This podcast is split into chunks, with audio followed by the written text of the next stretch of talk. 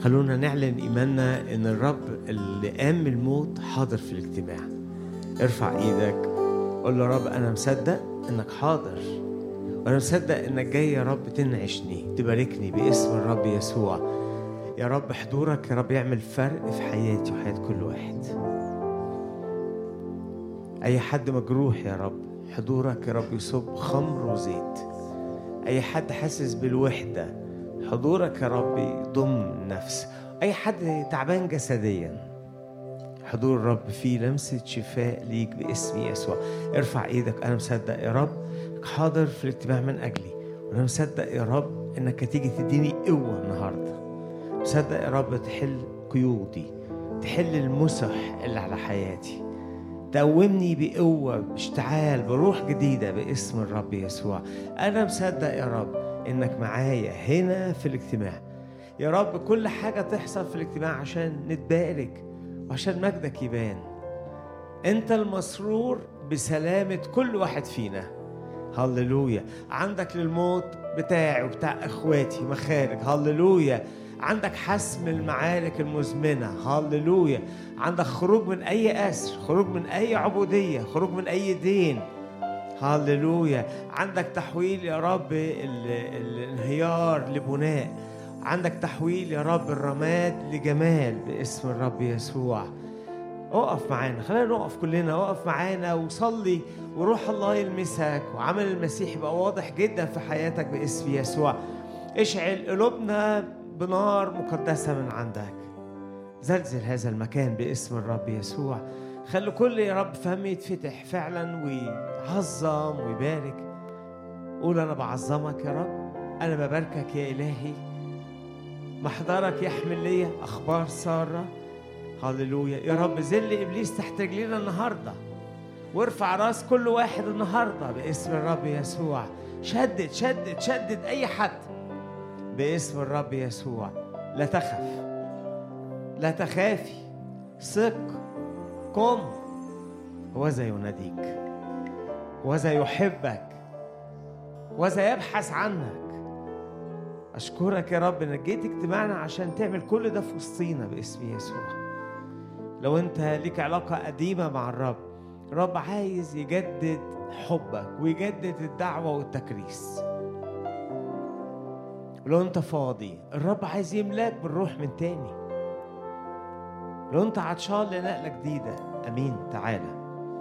تعالى. عنده سكيب بالروح عنده ماء للعطشان.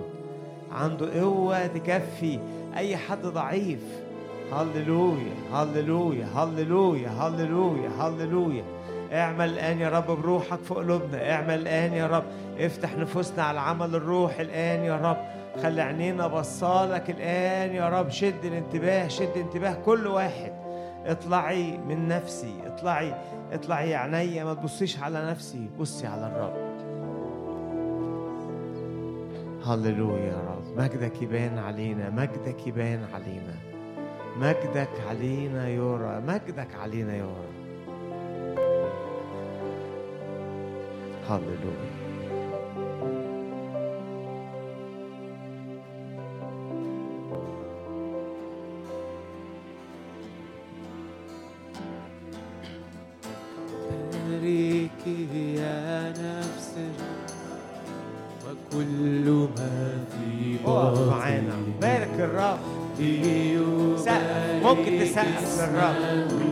فرحانين بيه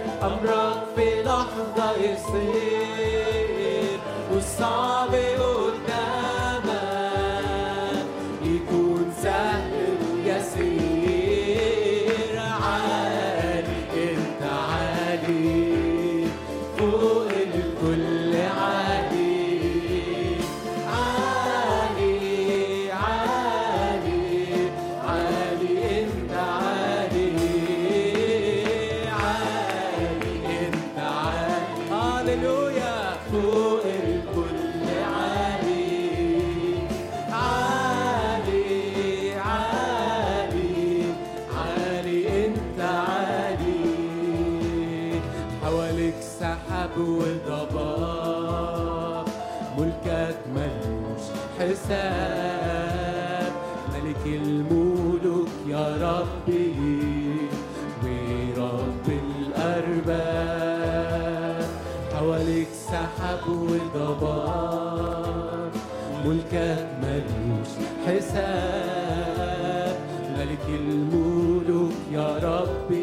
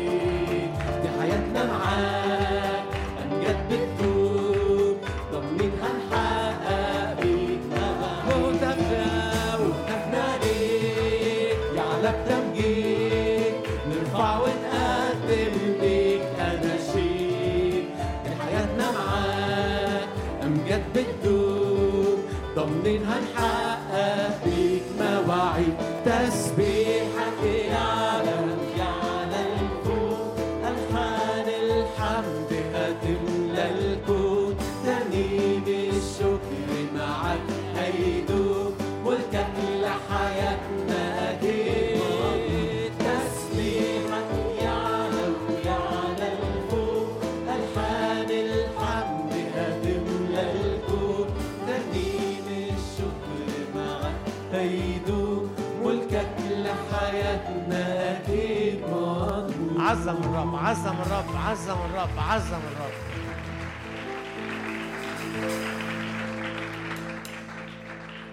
يا رب هتيجي النهارده يا رب عشان لكل واحد فينا زيارة ولكل واحد فينا كلمة كل واحد فينا نقلة عشان لكل واحد فينا بركة.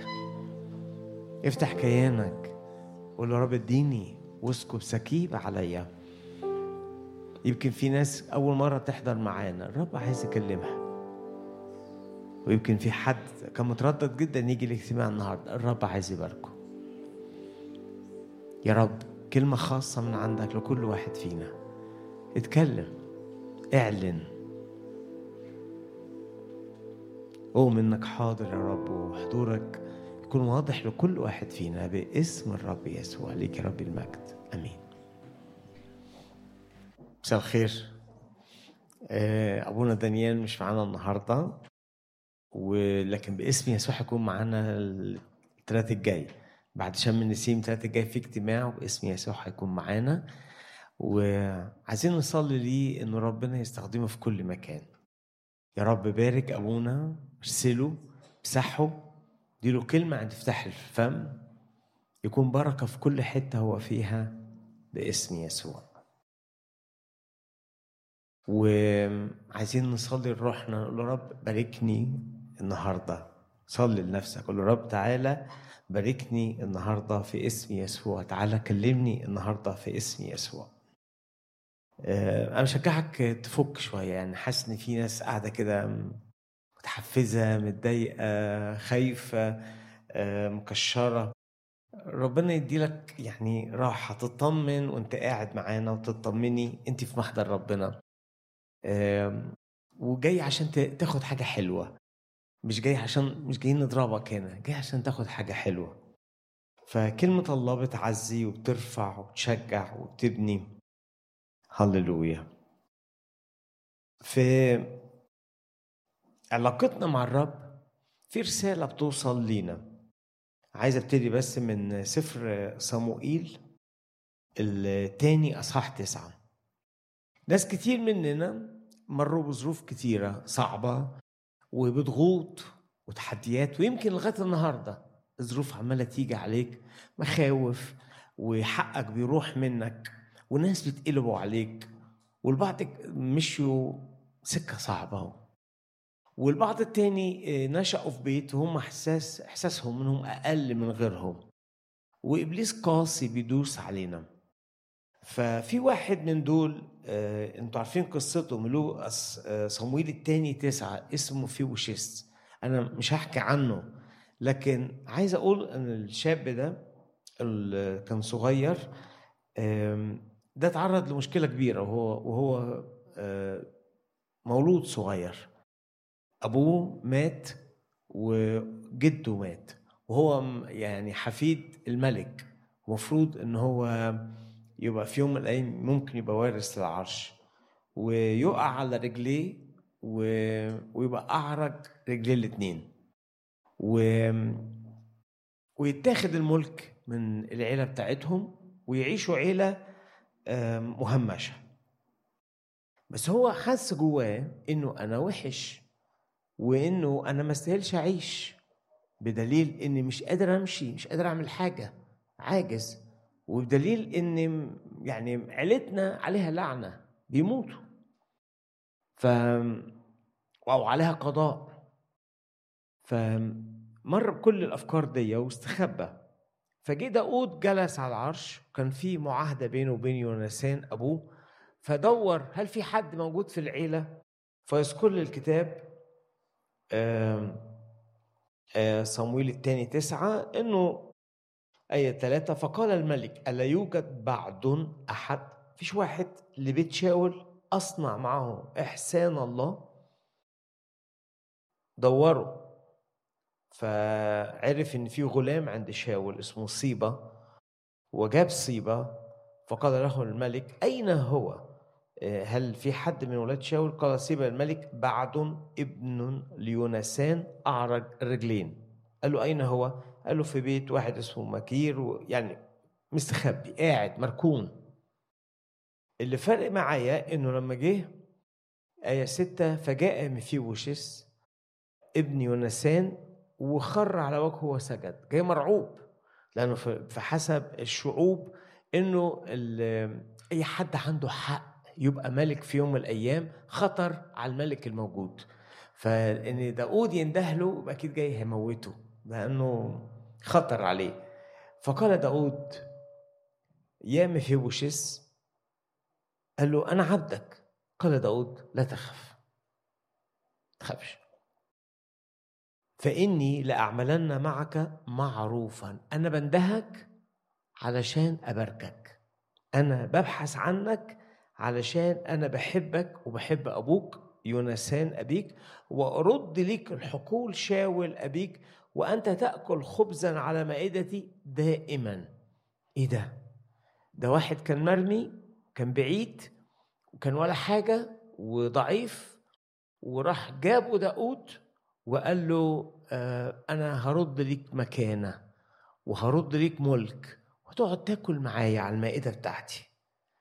يقول آية 8 فسجد وقال من هو عبدك؟ أنت مين بقى؟ دي كلها مقدمة عشان أقول لك. من هو عبدك؟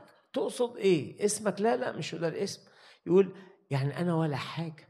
حتى تلتفت إلى كلب ميت مثلي. الكلب ده حيوان نجس. فتصور بقى حيوان نجس جدا مكروه جدا وميت. يعني ده تعبير أدبي. بيقول إن أنا ولا حاجة. أنا ما اسواش حاجة. والفكرة دي ملياني ومليانة ناس كتير ومليانة في وق- أوقات كتيرة في حياتنا وخصوصا وقت المحن ووقت الضغوط. والسؤال اللي بسأله لك والعالم بيسألنا أنتوا تسووا إيه يا جماعة؟ أنت إيه أنت تساوي إيه؟ إيه قيمتك؟ إيه قيمتك؟ واحد يقول لي أنا قيمتي في الدور اللي بعمله في الشغل في موقفي في عيلتي. طب ما الحاجات دي ممكن مع الأيام تتهز وتقع.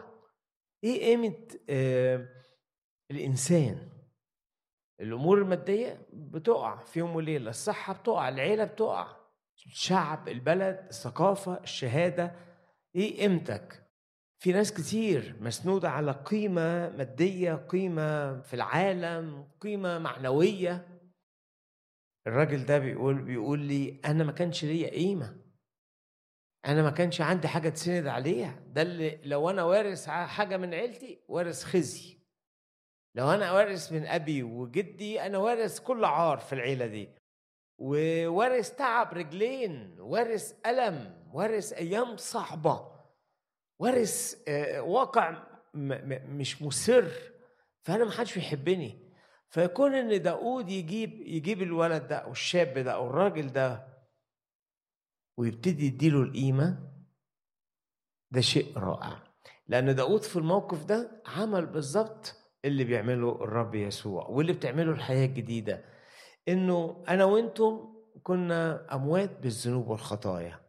وأي حد ملوش علاقة حقيقية بالمسيح ميت أو كلب نجس مثل هذا. كتير كان لما يقابلوا المسيح يقولوا إحنا ما نستحقش. ما نستحقش عشان خطايانا. آه. وما نستحقش عشان كمان بالنسبة للناس حوالينا أقل. واقع مش كويس وأمور صعبة. ولما أجي أصلي مرات كتيره بحس إن ربنا مش هيسمعني لأني أقل أقل في حاجات تانية كتير. والشيطان يغذي ده يغذي روح العالم إنه الأشخاص اللي عندهم مواهب هم اللي يستحقوا. روح العالم الأشخاص اللي عندهم قوة هم اللي يستحقوا. روح العالم الأشخاص اللي عندهم حاجة يتسندوا عليها هم أو يفتخروا بيها هم اللي يستحقوا. بس طب وبعدين؟ دول قليلين.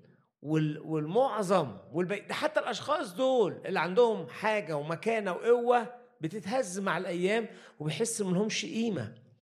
جه الرب حكى عن افتقاده للخطام ذكر إنه المثلين اللي في لوقا 15 المثل الخروف الضال والدرهم المفقود والمثلين آه، تقريبا شبه بعض خالص.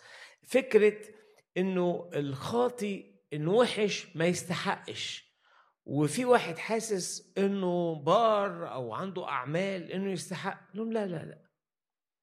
ده أي حد في نظري يقول لهم الكتاب القصة دي أي إنسان منكم في لقا 15 له مئة خروف وأضاع واحد واحد واحد من المية. يجي إيه للتسعة وتسعين؟ ما يجيش حاجة. لو هو فكر مع نفسه بيقول أنا ما حدش هيدور عليا ده أنا يمكن لو مشيت وتهت وابتلعتني الظروف مش هياخدوا بالهم وفي ناس جاية الاجتماع بتقول لي أنا ما حدش بياخد باله مني ولا حد واخد باله مني في البيت. ليه؟ إيه الفكرة؟ ومش عايز يسلم عليك مش عايز يقعد معانا ومش عايز يرنم ومش عايز يفرح. لأن حاسس إن أنا قليل. رسالة النهارده لكل واحد فينا أن لك قيمة. مين يؤمن اللي ليه قيمة؟ هللويا قول اللي شوف حد قول له أنت ليك قيمة. أنت ليك قيمة. أنت ليك قيمة. أنت ليك قيمة. ال- المعنى ده آه، ممكن واحد يقول لي ده أنا بحتاجه لما أجي أعرف ربنا. لا لا لا. ده طول حياتي أنا بيحصل لي ضربات بقع وأقوم وأقع واتضغط بشدة. وإبليس بيراهن على الحتة دي إنه يجي يقول لي مالكش قيمة. إنك انت ولا حاجة. إيه الضر اللي بتعمله؟ أنت مين؟ بتعملي إيه؟ إيه لازمتك في الدنيا؟ طبعا الوالدين لما بينفعلوا على أولادهم لما بيغلطوا يقولوا لهم الكلمة دي. طبعا المدير في الشغل لو عنده واحد عايز يوبخه يقول له الكلمة دي والناس كلها العالم كله الشيطان آه، ال- الرسالة اللي بيحطها يزرعها في الإنسان. أنت واحد من ضمن 100 خروف. فالرب هنا قال لهم لا يا جماعة ده الخروف الواحد آه، غالي عندي. يقول ألا يترك التسعة وتسعين؟ يعني قيمتك قيمة كل القطيع ده جنان ده اندفاع ده كان شيء جديد. جديد خالص في التعليم إنه بيسيب التسعة وتسعين في البرية في خطر يسيبهم ومشغول بيدور على الواحد. لأنه أحسن ما قالش الكتاب لأنه أكبر ما قالش الكتاب لأنه مطيع ما قالش الكتاب لأنه مخلص ما قالش الكتاب. إيه اللي بيميزك؟ إنك بتاعي. الرب ادى قيمة للخروف ده رغم إن هو مش شايف إن عنده قيمة وإحنا كمان مش شايفين إن عنده قيمة. وباقي الخراف احتمال مش شايفين اللي ليه قيمة. أو قيمته محدودة. ولما يلاقيه آية خمسة أو إذا وجده يضعه على منكبيه فرحا. هللويا هللويا إن ربنا فرحان بيا لما باجيله فرحان بحياتي لما بيفتقدها فرحا. فرحان إنه ما بيشفيني فرحان إنه بيتدخل يعمل معجزة معايا. فرحان ان بينهي زمن عبودية. فرح فرح ربنا فرحان فرح بالخروف ده. ويأتي به إلى بيته ويدعو الأصدقاء والجيران قائلا هلم افرحوا معي. ليه؟ إيه؟ إيه؟ إيه اللي جديد اللي حصل معاك؟ وجدت خروفي الضال. ياه غالي قوي عندك الخروف ده. ويرد الرب من خلال الكتاب بقى كل ولادي غاليين عندي ما عنديش حد من ولادي مش غالي عندي. أنت ليك قيمة وأنت غالي عند الرب.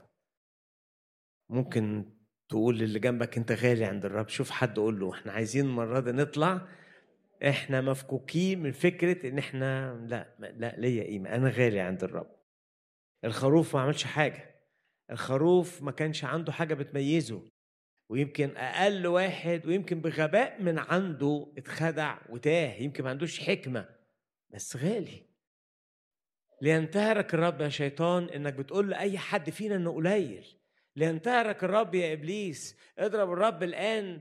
يا رب اضرب أعدائنا. التقليل اللي بيقوله لنا الشيطان والواقع إن ربنا مش بيحبنا لا ربنا بيحبني مهتم بيا واداني قيمة غالية باسم يسوع. ونفضل من يوم ما نعرف يسوع أقول لكم حاجة مهمة. إنك أنت ماشي في الدنيا أنا الخروف اللي لقاني الرب ودور عليا وتعب وفداني وخلصني وكنت سبب فرحة يوم ما جابني ودخلني معاه الحظيرة. تبقى ماشي مستمتع. وعايشة مستمتعة.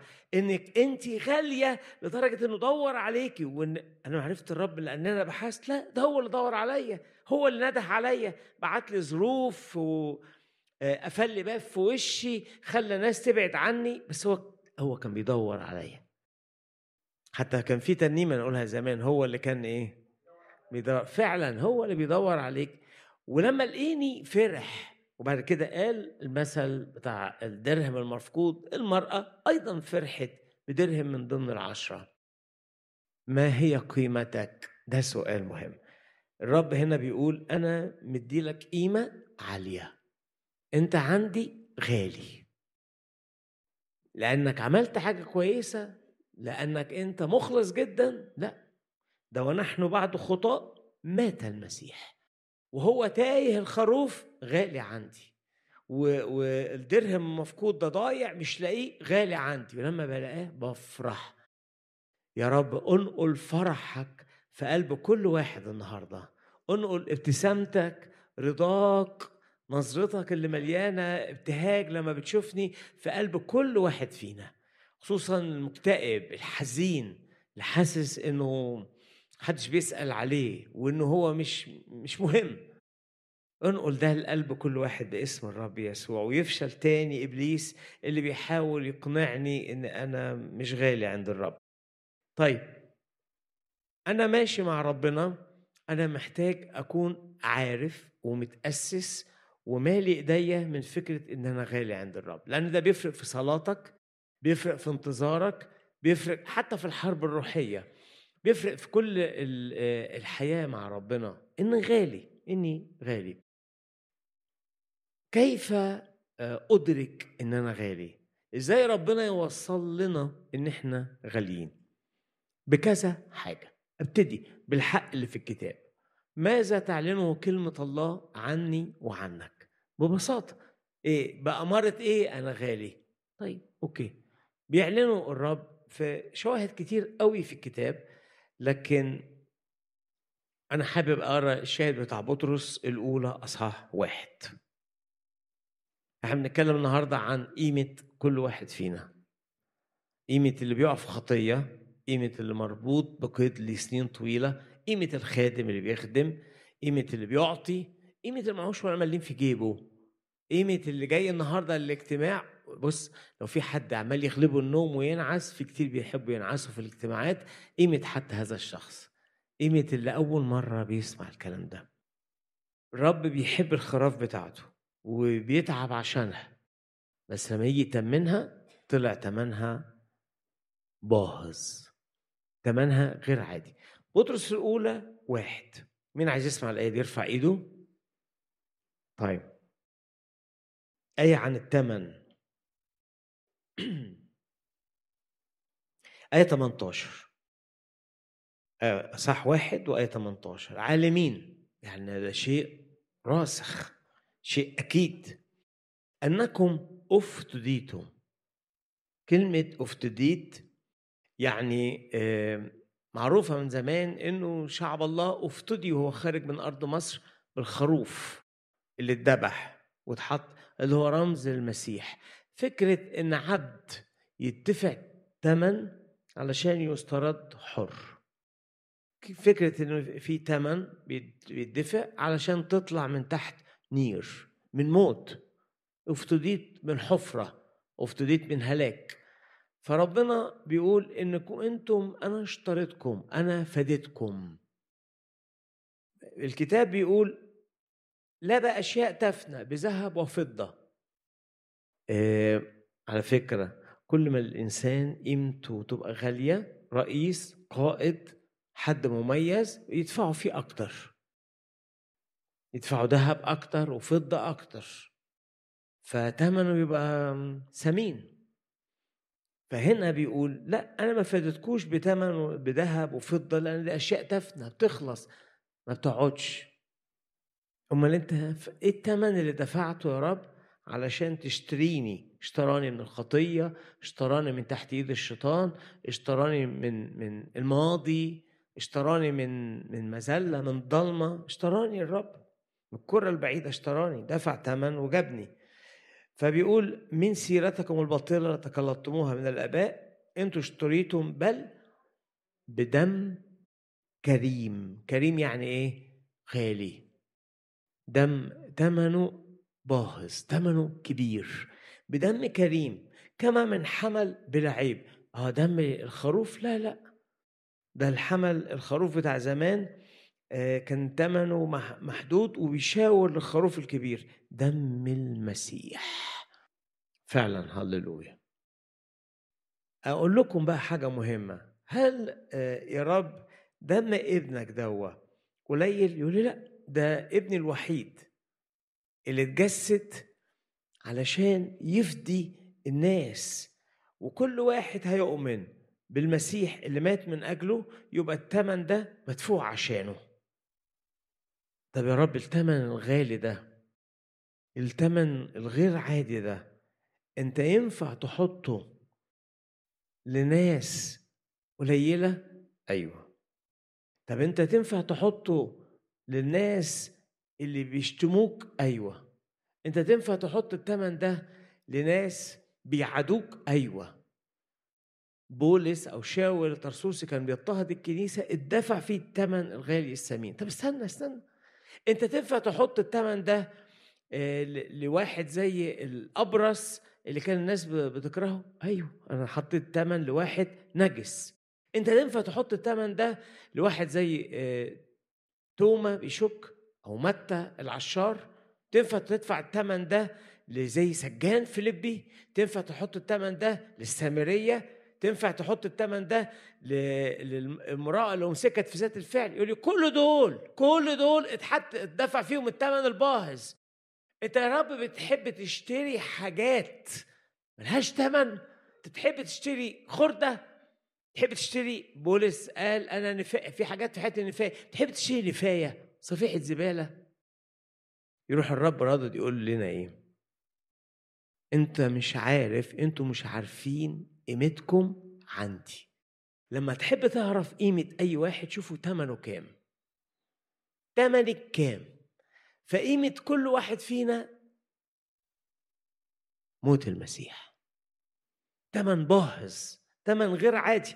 فهنا الكتاب بيعلن ليا وليك. لما تبقى أنت محبط ارجع لكلمة الله. الرب لما حب يشتريني ويحررني بذل ابنه الوحيد. ما كانش عنده أبناء كتير هو ابنه الوحيد. وبذله مات. دم يعني الموت يعني الصليب حياته دفعت عشانك. الأب السماوي قبل إنه ابنه يموت علشان تمنك يعني أنت غالي جدا عند الرب. يعني الرب فرحان جدا لما بتيجي. يعني الرب ما فيش حاجة يحوشها عنك. ما فيش حاجة يقول لك فيها لا ما فيش حاجة يبخل بيها. تمني غالي جدا. شيطان يجي يحارب والضغوط تيجي. عايزك ترد عليهم تقول الضغوط دي تقول اليوم الصعب اليوم الشرير. أنا غالي جدا عند الرب. ومش بسهولة الرب يفرط فيا. ولا ينساني ولا يرفضني.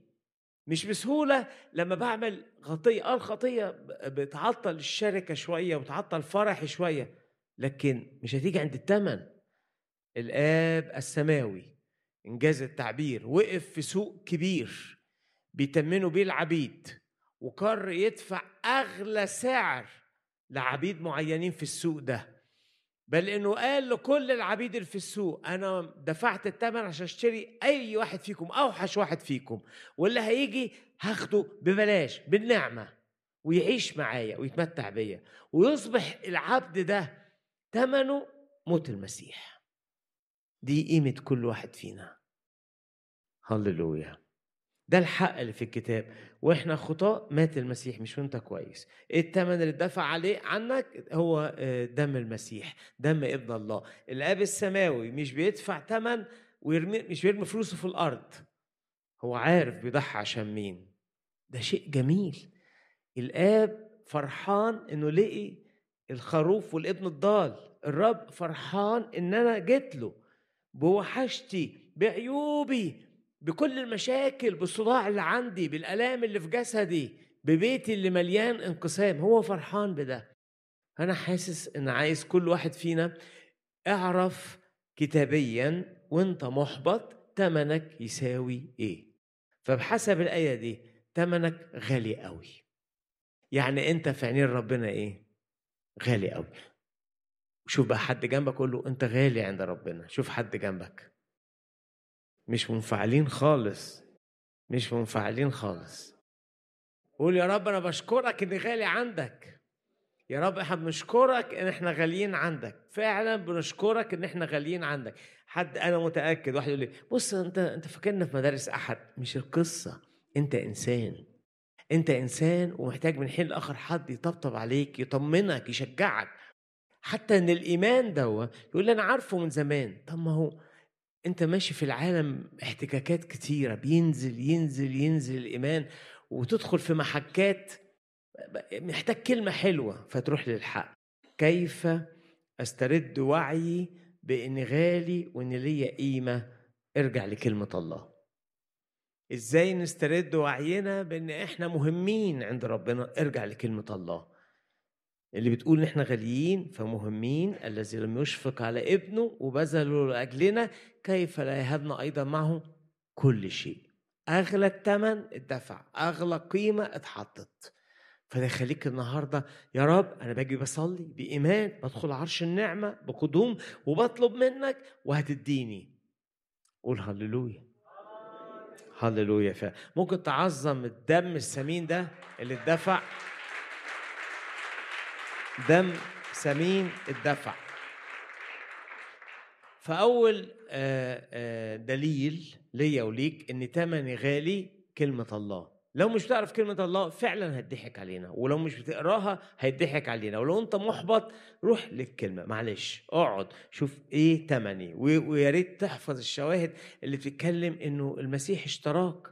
يا رب دفعت تمن باهظ جدا في واحد ولا حاجة؟ يقول لي لا. ده أنا بقول لك أنت حاجة مهمة.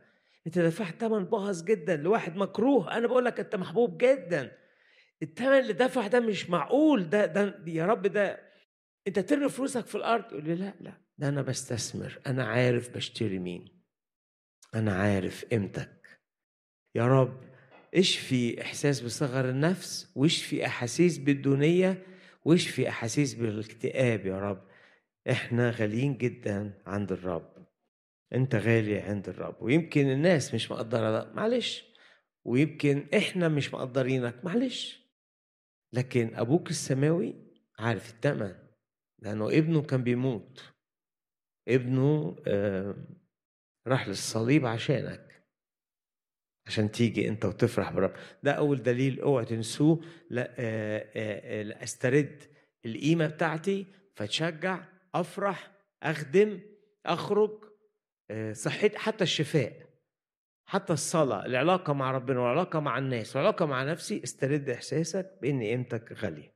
يا رب النهاردة بالروح القدس افتح العينين نور نور العينين تكتشف الحق إن إحنا غ- بنقول إحنا في أيام و... وأعياد و- وكلام عن صلب الرب وعن ذبيحة الرب. أكبر قيمة في صلب الرب والذبيحة إن إداني قيمة. ما جابش خروف ومات مكاني ما جابش يعني ما جابش عجل ومات مكاني ما جابش حيوان مع... حتى ما فيش إنسان ينفع يموت مكاننا. ده كلام عن الفداء كتير قوي قوي فدي أول حقيقة. أوعى تنسى. إزاي أطلع من هذا اليأس والاكتئاب؟ روح لشوف قيمتك في كلمة الله. أوعى تنسى. أول نقطة نشوف إيه؟ قيمتنا فين؟ كلمة الله. مش في عينيكم عينيكم هتضيعوني. إيه بصوا. فاكرين لعازر كان في عينين الناس إيه؟ العازر والغني المثل اللي قاله الرب كان في عين الناس إيه؟ شحات ومرمي ومحدش يعبره والكلاب كان بتيجي تلحس كروحه. لما مات طلع إيه في عينين الرب؟ طلع غالي بعت له مش ملاك بعت له ملايكة تشيله وتجيبه لحضن الرب. بعت له ملايكة. الناس مش شايفة يا رب إن إحنا غاليين. لكن على الأقل أنا لما هقعد قدام كلمتك سأدرك إن أنا غالي عندك. عشان كده مش هختار غلط ومش همشي في سكة غلط ولا هرضى بالقليل ولا اخلي إبليس يذلني ولا أقول له محدش بقى بيسأل عليا أعمل اللي أنا عايزه. لا هو بيبحث عنك ويقول لك قيمتك عندي أنا اللي عارف تمنك. تعالى لي عيش معايا تعالى له النهارده وعيش معاه. فدي أول حقيقة هروح لكلمة الله. الحاجة الثانية اللي بنتكلم على قيمة كل واحد فينا روح لرسالة روميا يا رب شفاء النهارده وحرية النهارده وخبر صار النهارده كل واحد فينا باسم يسوع. ويمكن انت جاي الاجتماع وتقول ربنا ما بيحبنيش ربنا بعت لك الرسالة بيقول لك أنا دفعت دم ابني الوحيد عليه عشانك في الصليب عشان تسترد وتطلع حر. يعني كده انت غالي غالي غالي جدا. تمن باهظ. دفع فيك. ده معناه ان انت شيء ثمين جدا. في روميا 8 لما الواحد بيقبل المسيح الروح القدس بيبقى ساكن جواه وتبقى أنت هيكل الله وروح الله ساكن فيك. ويبتدي روح الله يشتغل جوايا ويعلن ويتكلم.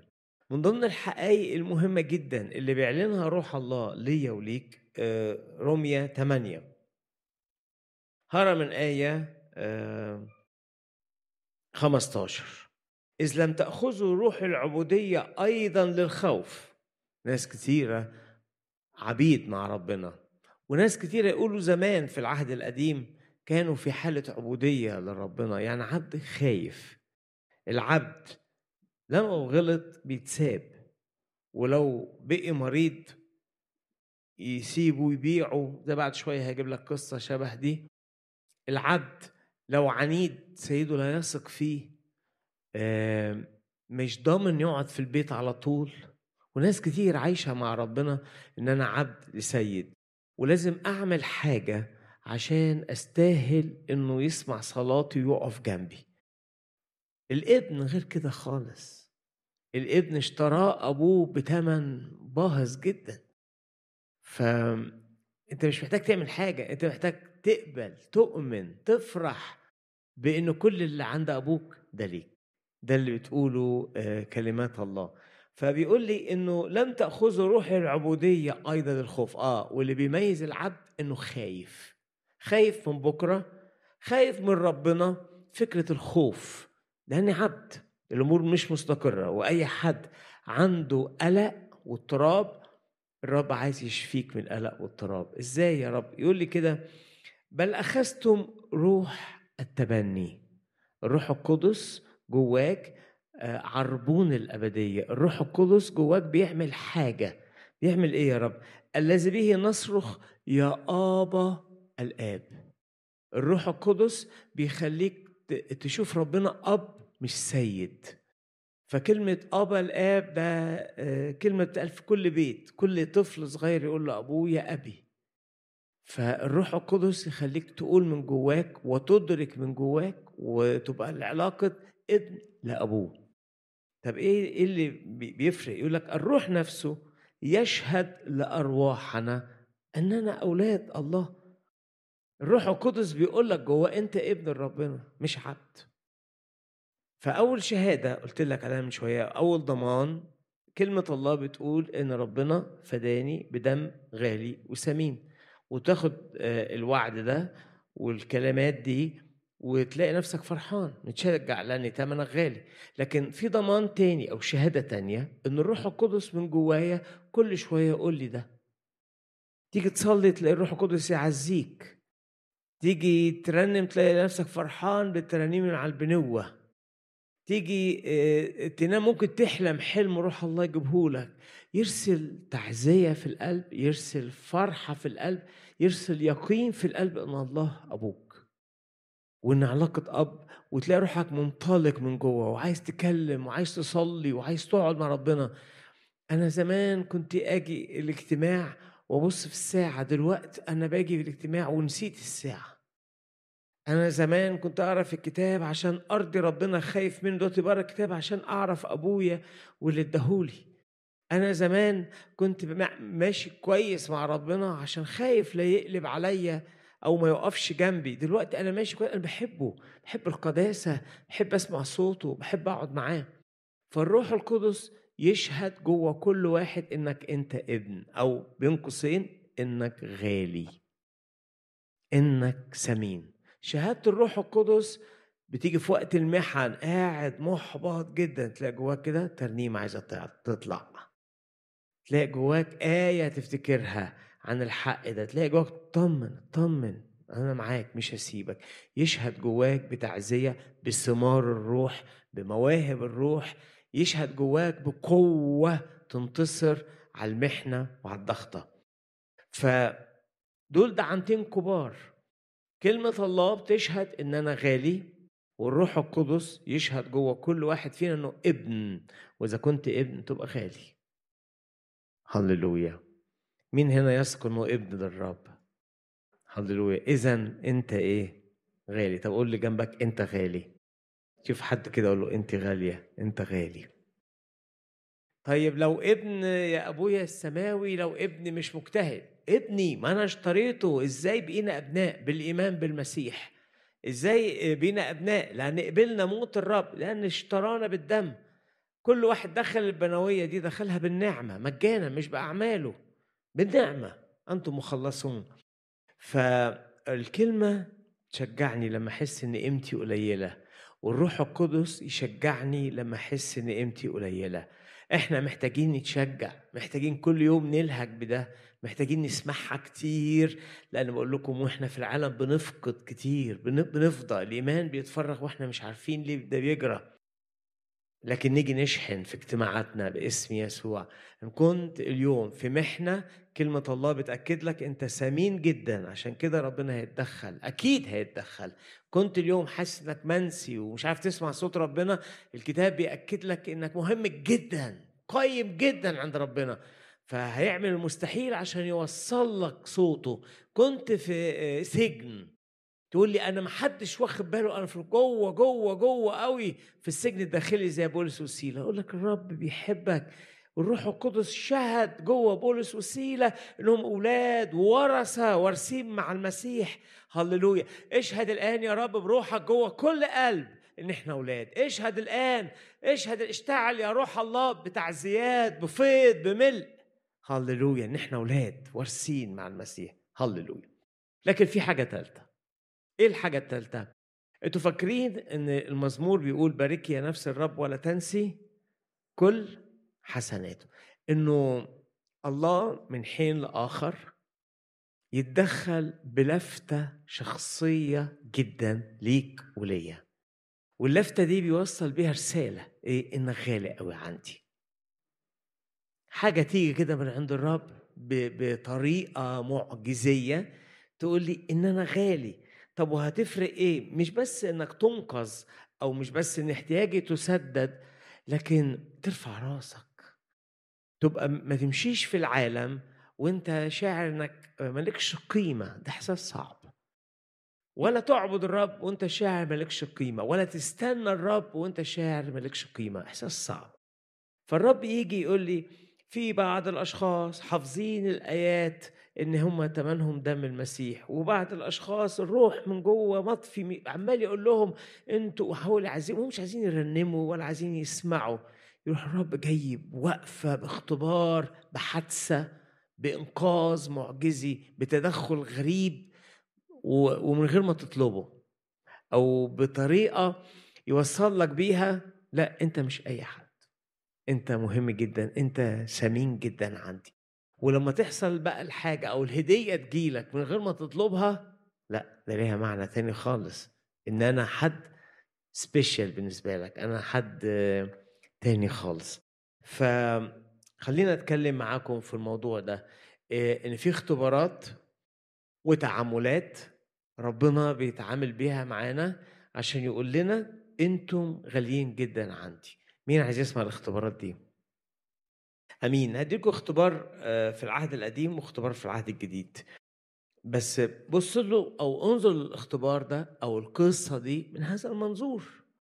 إنه الشخص ده يا رب أنت اتعاملت معاه وقفت جنبه يعني مش صدفة دي رسالة واصلة له واصلة لينا كلنا. الشخص ده غالي عندك.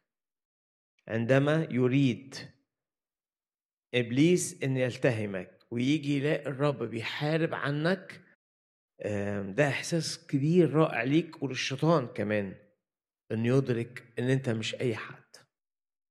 دي حقيقة مهمة لما الشيطان يجي يحاربك ويحاول يطمع فيك ترد عليه وتقول له أنا أشتريت بدم غالي وثمين ولما آه، يقرب الموت قوي أو المرض يزيد عليك قوي ويقول خلاص انتهت حياتك قول له لا أنا أشتريت بدم غالي وثمين ولما البرية تزيد والقحط يزيد والجفاف يزيد عليك في كل حتة تقول للبرية والقحط أنا أشتريت بدم غالي وثمين ولما الناس تسيبك وتشعر بوحدة رهيبة وضعف شديد لما السنين تمر تحس بشيخوخة واصحابك بتوع زمان مش بيسألوا عليك تحس إن أنت مهمل ترد تقول أنا اشتريت بدم غالي وثمين كلمة الرب جاية عشان تنعش إيمان كل واحد. أنت عارف الحاجات دي لكن محتاج تسمعها محتاجين نسمعها باسم الرب يسوع. أول حكاية في العهد القديم من سفر صموئيل الأول اصح 30 قصة مشهورة جدا. لكن خلينا نبص لها بسرعة من ناحية آه، إيه قيمة داود عندك يا رب؟ ده سؤال مهم. إيه قيمة داود قيمته إيه؟ يعني أنا يعني بسأل آه، نبي ممكن آه، واحد ممسوح ملك ممكن بطل ممكن. لكن هنا الرب بيقول داود ده غالي عندي.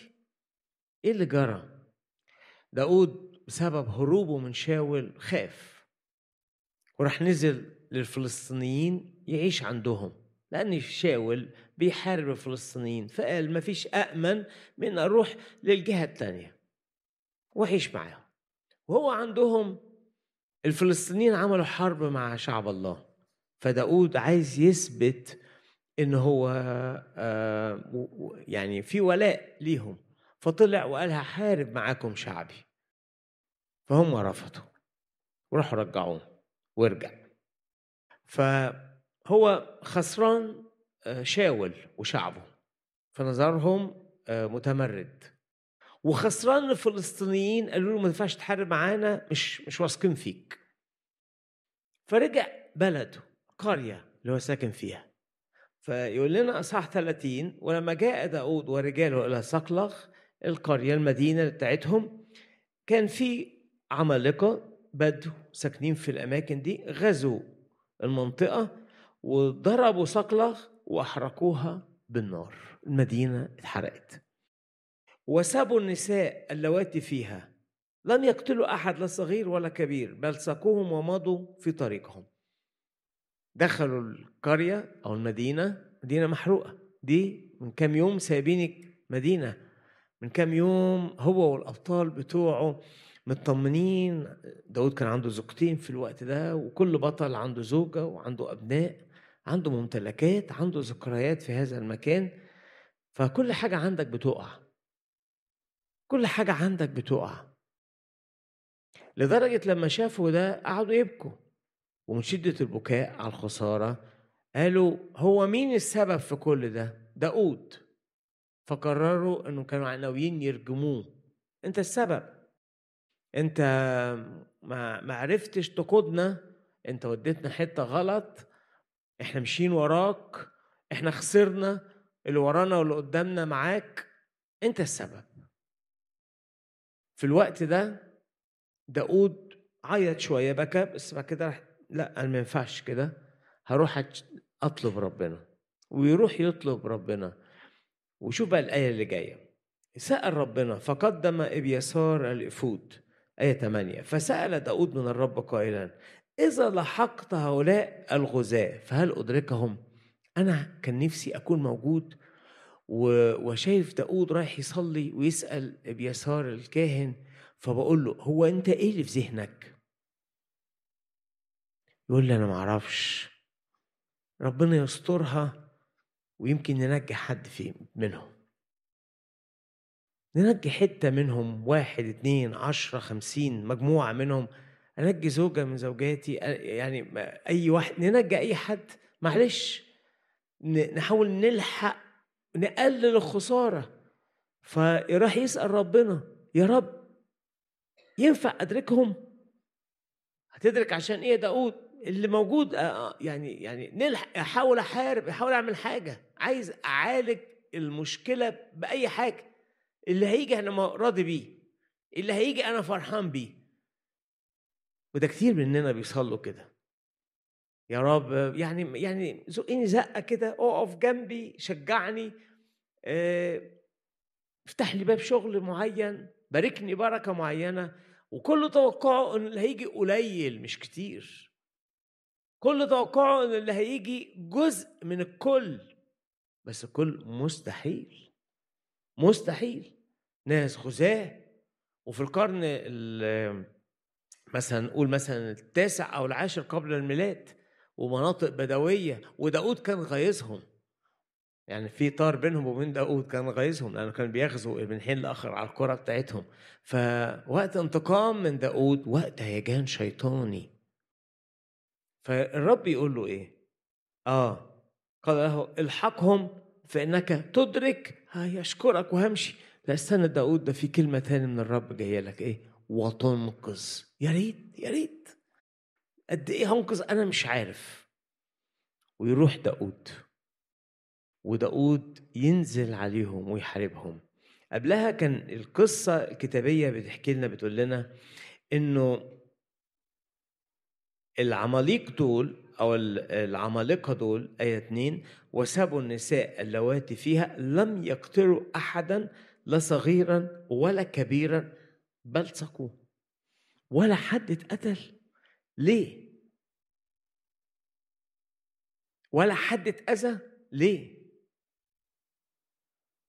ده سؤال مهم ليه ولا حد؟ خافوا منهم؟ لا دول غنيمة خدوكم خدوهم كلهم ويروح لهم داود يلاقيهم منتشرون على وجه الأرض في آية 16 ياكلوا ويشربوا ويرقصوا بسبب جميع الغنيمة العظيمة دول راحوا كرة كتيرة. أصل الرب لهاهم عماهم. حد للمية وقف الخسارة. قال لا نساء داود وعائلات كل رجال شعب الله لا. خدتوهم بس ما تقربوش منهم. ولا شعر من رؤوسهم تسقط. الرب هنا عمل حاجة غريبة. ما سألهاش داود ما توقعهاش. آخر توقعه إن هلحق العيلة بتاعتي.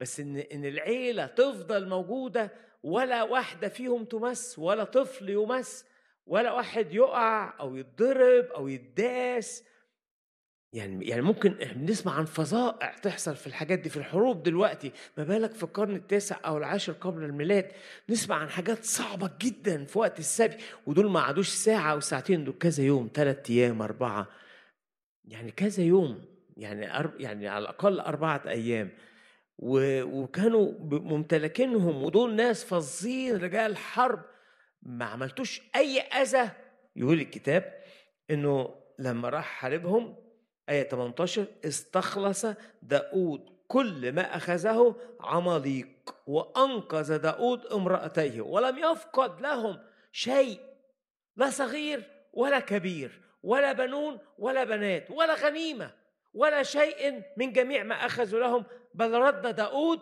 الجميع. هللويا فأقول هللويا. لماذا رد داود الجميع؟ كيف رد داود الجميع؟ كيف احتفظ الناس دي بأمانهم بسلامهم ما تبهدلوش؟ إزاي؟ هنا بقى رعاية الله. هنا رسالة لداود وللشعب. أنتوا غاليين عندي. هبعت لكم ملايكة. هبعت كده حد كده فاصل. خلي الناس دي تاكل حد تاني تنهب حد تاني تنهش حد تاني. لكن أنتوا أمانة عنده العماليق دول العمالقة بني ال- العمالقة. أنتوا أمانة عندهم. تقعدوا فترة صغيرة وترجعوا تاني بسلامكم بهدومكم بأكلكم بشربكم. بصوا القصة ما ينفعش تخلص كده. يعني أنت لو بتكتب رواية لو تكتب إيه إيه الرواية اللي بتتكتب؟ داود ورجاله خارج المدينة نمرة واحد. نمرة اتنين جاء الأعداء غزوا المدينة. نمرة ثلاثة أخذوا كل ما في المدينة. نمرة أربعة خلاص حطوا نقطة النهاية حط نقطة النهاية كل حاجة راحت. وناس كتيرة هنا فاكرة إن يقولوا لي آه، اللي كان عندنا اتكسر واللي كانت في حياتنا اتسرق ورحنا السبي. القصة دي ملهمة جدا. إن ربنا يقدر يردك من السبي. وداود العظيم الرب رد نفوس كتيرة من إيد الشيطان ويرد حتت في حياتك وحياتي. إيه الدرس اللي هنطلع بيه من القصة دي؟ إن داود غالي. لا استنوا ده ده السيناريو مش كده بس مش بس استرد كل حاجة. ده الغريب إنه طلع كسبان. طلع كسبان. أخذ داود آية 20 الغنم والبقر. بتوع بتوعك داود آه بتوعي بس دول أكتر من اللي كانوا عندك. لا ما دول كانوا كل العمالقة ماشيين ياخدوا من بلد وبلد وقرية وقرية. فأنا خدت كل اللي عندهم. إحنا مش فاهمين قصة إيه اللي بتقراها دي. إيه الحكاية دي؟ مرات بنقراها ومش واخدين بالنا ومرات بيحصل معاك كده وأنت مش واخد بالك. إنه اللعنة تبقى بركة الجافي يطلع منه حلاوة المدينة المهدومة ترجع بأغنى من الأول العيلة اللي اتسلبت ترجع بملك وغنى أكتر من الأول. القصة مختلفة القصة مختلفة. طب وإيه تفيدني في إن بيحصل معانا كده؟ الرب عمل كده زمان ويعمل كده معاك ومعايا النهاردة. افتكر افتكروا يا جماعة ده بنقعد ونسمع قصص وأحداث يقول الرب أنقذني الرب عوضني الرب شفاني الرب كلمني. اوعى تنساها. لأن دي رسالة ليك تبقى دليل وحجر تقف عليه زي ما قال آه، صموئيل. إلى هنا أعان الرب وتكتب عليه حجر المعونة. اللي أنقذني من الدب والأسد أنقذني بعد كده من سكان صقلخ وآسف من العمالقة. واللي أنقذني من العمالقة هينقذني لآخر الأيام عارفين داود وهو كبير خالص في في السن وقاعد على الفراش بتاعه ومش قادر يخرج ولا يتكلم ودخلت له آه، بالشبع تقول له إزاي سليمان؟ أنت مش حلفت انه سليمان هيبقى الملك؟ فإيه اللي قاله داود في ملوك الأول أصحاح واحد آية 29 حلف الملك وقال حي هو الرب. الذي فدى نفسي من كل ضيقة. أنا دخلت في ضيقات كتيرة. اسمعوا يا أحبائي ويقول لي شعبه والجيل اللي جاي. أنا دخلت في ضيقات كتيرة لكني دايما كان ربنا بينقذني لأني طلعت غالي قوي عنده. داود غالي عندي والرجال اللي مع داود غاليين عندي. ليهم خطة ليهم دور ليهم إرسالية غاليين عندي. إيه اللي عمله الرب في حياتك الشهر اللي فات؟ إيه اللي عمله الرب في حياتك في الطفولة بتاعتك؟ إيه اللي عمله الرب؟ أنت ناسيه ما تنساهوش امسك فيه. ده داود آخر يوم في حياته فاكر الأحداث دي. أنا غالي بدليل إنه عمل وعمل. أنقذني من الدب والأسد أنقذني لما المدينة اتهدمت. أنقذني من شاول أنقذني من خطئي أنقذني من ابني اللي كان عايز يموتني أنقذني من كل انتظار الشعوب والبلاد اللي حوالينا وهجمات وحروب أنقذني من غبائي. يبقى أنا غالي جدا مش ممكن يفرط فيا مش ممكن ينساني مش ممكن يضيع خطته في حياتي مش ممكن تقف الخطة هنا. هتكمل الخطة ليه؟ لأن داود سمين عند الرب. هللويا. وهتكمل الخطة في حياتك لأنك سمين عند الرب. هللويا وهتقوم من ضعفك لأنك سمين عند الرب. هللويا والنهاردة هتتشدد. هتتشدد لأنك تفتكر آه إذا كان الرب ليه قصد في حياتي وأنقذني من المرض يبقى هيستخدمني. وأنقذني من الموت يبقى هيفرحني. وأنقذني من من من مشكلة ضخمة جدا. يبقى هينقذني من أي مشاكل جاية في حياتي. مين يثق في كده؟ فعلا هللويا ممكن تدي إيد للرب اللي بينقذ. هللويا افتكري تذكري امسكي في الحتة دي. لو كان الرب ليك عمل اختبار معين في حياتك ما يتنسيش اكتبه واكتب التاريخ والمرحلة والوقت ده. ما تخلوش إبليس يقلل عمل ربنا. اوعى يقلل يسرق منك. ده أنقذني. يبقى هيك- هيكمل معايا. ده بيحبني. عملت إيه يا داود عشان الرب يمنع العمالقة دول إنهم يأذوا أي نساء أو أطفال أو حتى الممتلكات؟ ما حاجة. طب طلعت إزاي؟ رجعت كل حاجة. بس لا ده أنت خدت كمان. مش ممكن. ما تجيش القصة. ما ينفعش تتحكي حكاية كده. مين هيصدقها؟ أنا وأنتوا هنصدقها. لأن الرب عمل في حياتنا حاجات زي كده.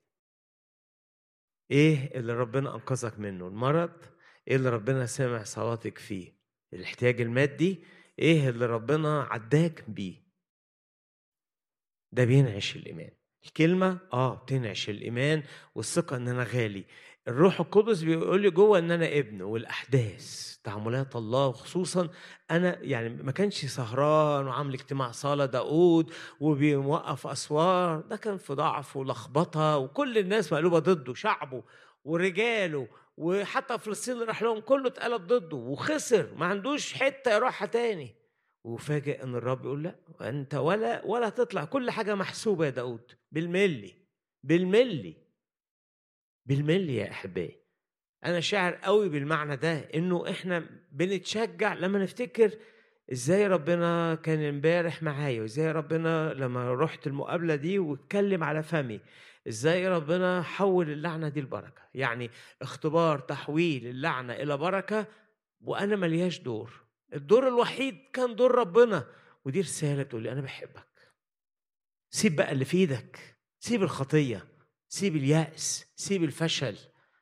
قيمتك عند ربنا. هو تم من داود إنه غالي جدا. هكذا يتمني الله إلهي إني غالي جدا لما أشوف اختبارات إنقاذ في حياتي. اختبارات تعويض في حياتي. وتعويض مفاجئ مش محسوب. ومش مدروس ومش متوقع. كلها في القصة دي تعويضات مش محسوبة ومش متوقعة. هللويا. اشرق علينا بمجد غير متوقع. تعالى بزيارات للروح القدس أكبر من توقعاتنا. تعالى فيض الآن في وسطينا. تعالى املأ الأجواء بعملك. مطر مطر مطر علينا. لو أنت حاسس بجفاف قول أنا غالي عند الرب. يروي ظمئي بالروح القدس النهاردة. يمسحني مسحة جديدة النهاردة. فأول اختبار في العهد الجديد بسرعة. فإحنا بنتكلم النهارده عن القيمة. داود قيمته قليلة ولا كبيرة؟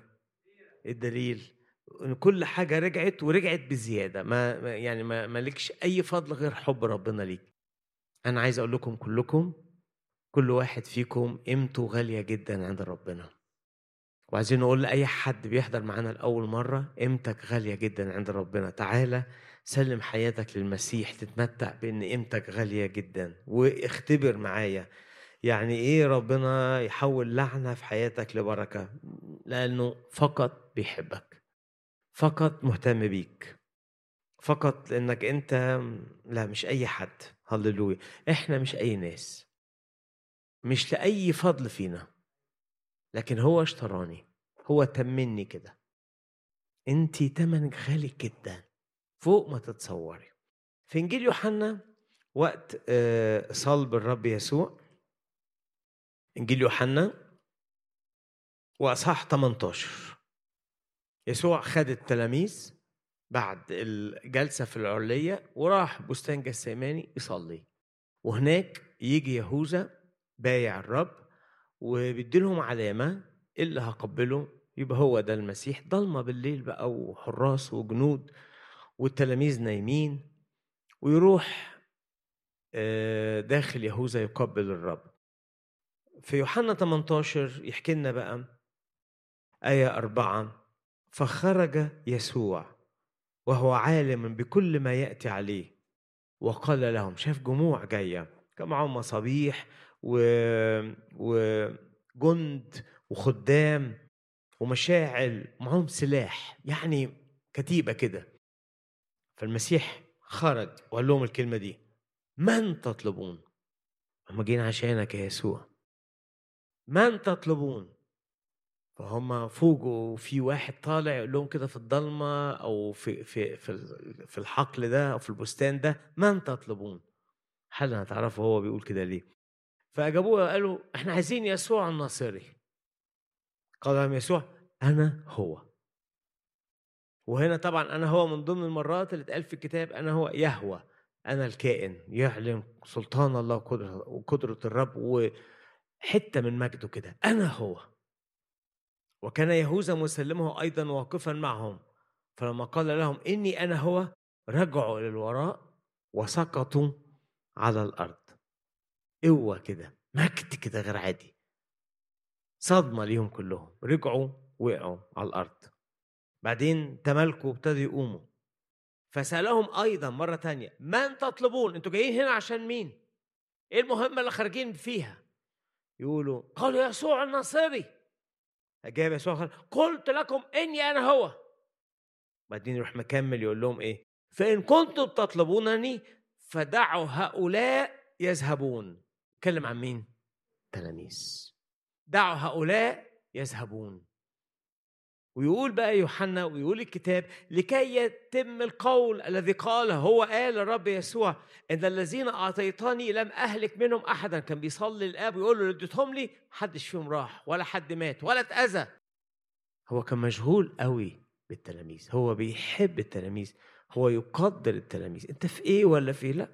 فيقول الكتاب آه إنه راحوا قبضوا على المسيح وبغرابة شديدة بغرابة شديدة سابوا التلاميذ بغرابة شديدة شديدة سابوا ودي يعني حتة مرات بتقراها وما تاخدش بالك منها لكن هو آه، يقولوا إنه إنه خلاهم هم آه، يبقى لهم هدف واحد لأنه سألهم مرتين بقوة أنتوا عايزين مين؟ أنتوا جايين في مهمة تقبضوا على مين؟ إيه اللي هيشبعكم؟ قالوا عايزين يسوع قال لهم أنا هو خلاص فبقوا آه، إلى حد ما متحددين عايزين يسوع بس. لكن أنا شايف إن بطرس ما طلبش من الرب ما يتقبضش عليا ويوحنا ما طلبش من الرب بل كلهم كانوا عايزين يروحوا معاه. لدرجة إن بطرس يروح ساحب الخنجر اللي معاه أو السكين أو السيف اللي معاه ويقطع أذن عبد رئيس الكهنة. قطع أذنه اليمنى وكان اسم العبد ملخس يعني ده واحد معروف قصة حدثت. قال يسوع لبطرس اجعل سيفك في الغمد وبحسب إنجيل لوقا حط إيده وشفى ودن العبد ده. وبغرابة شديدة تاني مرة. إنهم يسيبوا التلاميذ ويسيبوا بطرس ويمسكوا في يسوع ويمشوا. قصة فيها رعاية عالية قوي فيها اهتمام عالي قوي ودي بتحصل معايا ومعاك. إنه ربنا ينقذني بطريقة معجزية. أنا كنت جوه حفرة جوه جوه قوي قوي وما يجوش عندي. أنا كنت بين إيديهم وما يقبضوش عليا. خدوا يسوع بس ما خدوش ولا واحد. ولا واحد. طب ده اندفع بطرس. حتى اندفاع بطرس واللي الرب مش عايزه. يبدو إنه هيفسد خطة ربنا بطرس. هيخليهم يبصوا له هو. ويلتجئوا ويمسكوه يقبضوا عليه لأنه بيأذينا وبيقاوم بالسلاح آه، إن إحنا نقبض على المسيح. راح شفى الودن دي عشان ما يمسكوش حاجة على بطرس وبطرس ما يروحش معاهم. ليه؟ لأنه كل واحد من التلاميذ دول مهم عند الرب. كل واحد فيهم غالي عند الرب ولسه ليه خدمة وليه دعوة وليه دور. أنا أعتقد إن ده بيحصل معايا ومعاك. كتير دخلنا في حاجات كان ممكن ندفع ثمنها جامد جدا ومش واعيين وفوجئنا بعد الموضوع إحنا أنقذنا. أنت أنقذت أنا غالي. أنا عديت منها. أنت عديت لأنك غالي. أنا طلعت بسهولة. أنا مش فاهم ليه السهولة دي. أنا مش فاهم إيه اللي جرى في اليوم ده. إن الرب حماك. إن الرب منع العدو. إن المسيح وقف وقال ده تبعي. بل إنه قال كلمة عظيمة. إن كنتم تطلبونني فدعوا هؤلاء يذهبون. دول يروحوا بيوتهم دول يمشوا من الموقعة دي. أنا هروح لوحدي للصليب ولا واحد فيهم يجي معايا. وفعلا خضعوا وذهبوا هؤلاء اللي قال دعوا هؤلاء يذهبون. روحوا إن كانوا هربوا إن كان شكلهم أيا كان لكن في فكر الرب دعوا هؤلاء يذهبون. حس إنه واقف يقول لي كده الشيطان نار مولعة. دعوا هؤلاء يذهبون. الكورونا الوباء المرض الخسارة المادية. آه، خطأ إداري حاجة أنت عملتها حاجة أنت عملتيها. يقول لك دعوا هؤلاء يذهبون. حادثة. كتير من يقول لك أنا ربنا نجاني من حادثة صعبة. دعوا هؤلاء يذهبون. مرض موروث. دعوا هؤلاء يذهبون. إنقاذ معجزي بيقول فيه إنك أنت غالي. إنقاذ معجزي. وده تمسك فيه. ليه؟ لأنه اللي أنقذني هيسيبني في نص المشوار.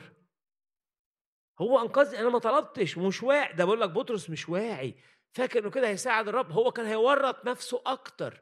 ورغم غباء بطرس آسف حماقة بطرس آسف اندفاع بطرس ورغم كل ده وما اتخذش بطرس. ما اتخذش بل الرب أوام عالج الخطأ ده عشان بطرس ما يخشش ما يتعطلش ما يتقبضش عليه. آه بعد كده اتقبض عليه كتير وبعد كده مات واستشهد لكن دلوقتي لا ما ينفعش. خطة الرب إنه ينقذ بطرس. خطة الرب إنك ترسل بطرس وتستخدمه يا رب. فعشان كده حميته بطريقة معجزية. إذا بطرس غالي جدا والتلاميذ دول غاليين جدا. وهو صلى قال للآب السماوي احفظهم أنا كنت حافظهم ولا واحد فيهم فقدته. آه، آية 12 من يوحنا 17 حين كنت معهم في العالم كنت أحفظهم في اسمك. الذين أعطيتني حفظتهم. هللويا. هللويا. الرب بيقول لك النهاردة أنت غالي وأنا حفظتك. إيه قيمة ده بالموضوع بتاع النهاردة؟ إنه كل مرة تدخل في تجربة صعبة وإحساس إنك أنت قليل افتكر إن الرب أنقذك من حاجات صعبة كتير. فهيكمل إنقاذه. كل مرة بتدخل تقول أنا مش عامل حسابي وأنا لوحدي. افتكر إن بطرس ما كانش عامل حسابه والرب خرجه من من الأزمة الكبيرة دي. كان هيورط نفسه ورطة غير عادية. والرب خرجه منها. اللي أخرج بطرس من ورطة قطع أذن عبد الكهنة أو عبد رؤساء الكهنة ينقذك من ورطتك باسم يسوع. ينقذني من ورطتي باسم يسوع. يحول الورطة دي لخيري باسم يسوع. فأنا جبت لكم اختبارين واحد اتحولت اللعنة البركة بطريقة غريبة غريبة وطلع أغنى لأن عناية الله بتقول إن دول غاليين عندي. وناس تانية يا رب آه، عملوا يعني كانوا جوه جوه قوي في الحتة الصعبة وانت خدتهم طلعتهم أنقذتهم نجيتهم وكنت بتحامي عنهم كنت مشغول بيهم قوي. اصلهم غاليين خالص عندي غاليين جدا عندي. طب اذا أنا زي الناس دول أنا زي الناس دول. وكل ما نحبط نفتكر.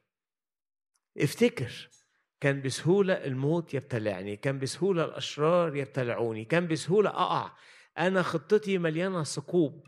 أنا مسيرتي مل... أنا في أعداء كتير متربصين لي بس ما قدروش يوصلوا لي. يبقى ده شيء يؤكد إن اللي جاي بركة إن اللي جاي استخدام. عشان كده أنا عايز كل واحد موجود النهارده ينمي إيمانه إنه غالي من خلال اختبارات الرب. زي ما إيماني إن غالي بيزيد ويتنمى من خلال المعرفة الكتابية بالحق إيماني إن غالي بيزيد ويتنمى من خلال صوت الروح القدس وتعزيته جوايا إيماني إن غالي بيزيد من إن أنا بفتكر اختبارات الرب. لا تنسي كل إنقاذه لا تنسي كل معجزاته لا تنسي كل استخدامه.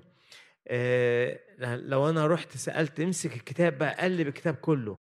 جيب العامل عن شعب الله. حول الرب اللعنة البركة من غير ما الشعب يكون حاضر ويطلب. جه إبراهيم ساب سارة خدها أبي مالك رجعها له الرب لا طلب ولا صلى أنا ما أقصدش إن بس افهم إن الاختبارات دي اتحطت في يقين شعب الله إنهم غاليين غاليين غاليين انك غالي إنك ثمين عند الرب آه بيحط حدود للتجربة للمية ما تبتلعكش رسالة النهاردة ليا وليك إن إحنا محتاجين نواجه العالم بإن إحنا غاليين قوي عند الرب. تمنك إيه؟ قد إيه تمنك؟ قد إيه تمن العيلة بتاعتك؟ قد إيه تمن خدمتك ودعوتك؟ قد إيه تمن الحلم اللي بتحلمه؟ قد إيه التمن بتاعك؟ باهظ عالي جدا. مين قال لك إن اللي دفع التمن كان دفع تمن غالي جدا جدا؟ مين؟ مين؟ الرب. الرب هو اللي بيتمنك ومش صدفة إنك تحضر معانا الاجتماع النهاردة عشان تسلمه حياتك هو جابك وأنقذك طلعك من فم الأسد عشان تعيش ليه. وبيقول لك أنا هحفظك من أي حاجة تاني هتيجي على حياتك الأيام الجاية. اللي نجاك بينجي وهيعمل إيه كمان؟ سينجي. هللويا. يلا نقفل عينينا كلنا مع بعض. يا رب إيماني النهارده هيتشجع بإني أنا مهم جدا عندك. إن كل واحد فينا يا رب غالي جدا عندك. أرجوك صلي. يا رب أنت شايف مين من جوه مهزوز؟ أنت شايف مين متلخبط؟ أنت شايف مين إبليس بي بيزرع شكوك جواه أو عمال يرمي أسهم؟ إن الرب مش هيسمعك. أنا بشكرك عشان كلمتك بتعلن إن غالي. اشتريتني بدم أك... مش فضة وذهب لأ أغلى أغلى أغلى دم كريم دم المسيح. وأنا بشكرك إن الروح القدس إداني روح البنوة اللي بيها بصرخ يا أبا الآب. يشهد روحك جوانا إن إحنا أولاد للرب. وورثة. وأنا بشكرك يا رب على اختبارات كل واحد. ما فيش واحد فينا يا رب أنت ما كنتش بتتعامل معاه. ما فيش. ما فيش واحد فينا يا رب أنت كنت ناسيه. افتكر افتكري. النعمة الغنية إزاي وقف معاك؟ إزاي شددك؟ افتكر. وأنت وحش قوي إزاي ربنا كان بينقذك؟ افتكري وأنت مهملة جدا إزاي ربنا كان بيسدد احتياجاتك بطريقة عجيبة؟ افتكر حاجات ما كناش واخدين بالنا منها هو كان سهران وعامل حسابه ليها. افتكر أخطاء لو كان العدو شافها كان ممكن يستغلها ضدنا. لكن الرب عمى عينه عنها. اللي عمى عينين العمالقة عن الغنيمة اللي في إيديهم. خلوهم ما يقربوهاش ما يلمسوهاش. يحافظوا لداود عليها. يعمل النهاردة عينين أعدائنا عن أي حد فينا. والرب اللي وقف وقال لهم من تطلبون؟ قال لهم أنا هو دعوا هؤلاء. كل واحد يروح يرجع. دعوهم يذهبون. هللويا. وفعلا نجح وخلاهم يذهبون يقف النهارده الرب قدام كل تجربة ويقول دعا ويقول اسمك إنك تذهب دعي فلان إنك تذهب ارجع بيتك بسلام ارجع خدمتك بسلام اقف على حيلك بسلام كمل مشوارك بسلام اطلع من خطط إبليس بسلام. هللويا يا رب. تحمق مشورات وخطط عشان ناس غالية عندك. هللويا. نمشي في العالم ونقول لا إبليس مش هيبلعنا عشان غاليين عند الرب. مش هنموت قبل وقتنا لأن إحنا غاليين عند الرب. هذا المرض ليس للموت لأني غالي عند الرب. سمين عنده. الجبل العظيم ده هيتنقل من قدامي لأنه غالي عند الرب. صلاتي مسموعة لأني غالي عند الرب. أفرح النهارده دي لأني مهم عنده. مهم جدا جدا عنده. بيتك مهم وشغلك مهم شخصيتك مهمة مواهبك مهمة. أشكرك يا رب أشكرك أشكرك أشكرك. مين هنا في الاجتماع محتاج يفتكر معاملات الله؟ مين هنا بيسمعنا بيحتاج إنه يشوف إنه غالي عند ربنا؟ مين مش واثق في بكرة؟ اطمن لأنك غالي عند ربنا. مين شاعر إن كل حاجة اتطربقت عليه كل حاجة جت ضده بس أنت غالي عند ربنا. هيعالج المشاكل يخرج من الجافي حلاوة هيخلي الشخص الصعب يحافظ لك على حاجتك. خلي الحراس طالعين وجواهم غل وغضب وعايزين يمسكوا المسيح بأي شكل.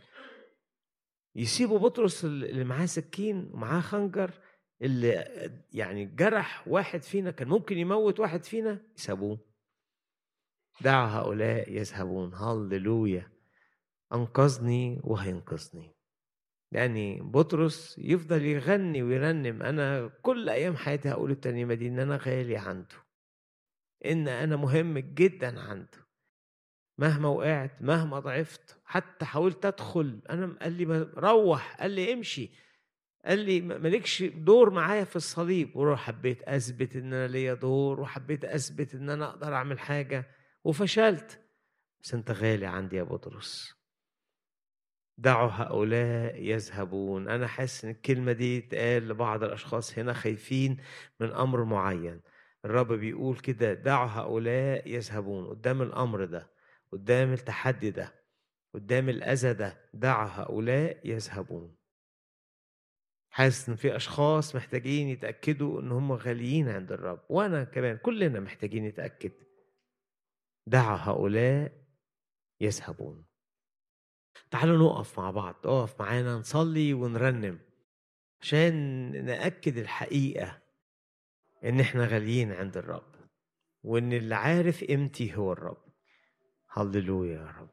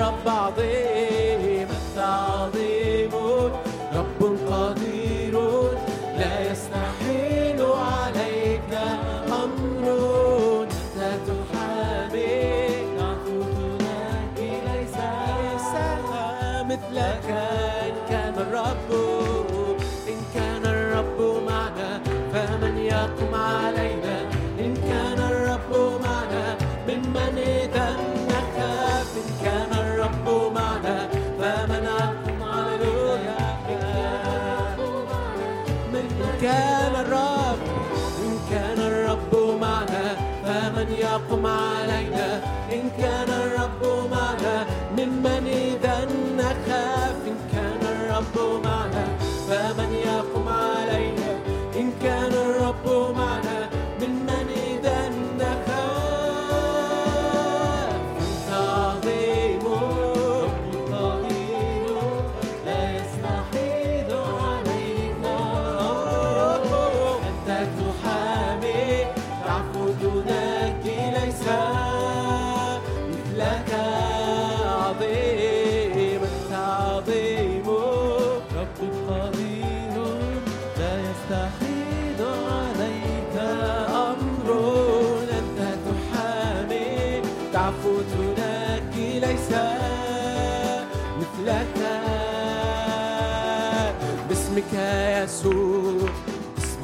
خلاص.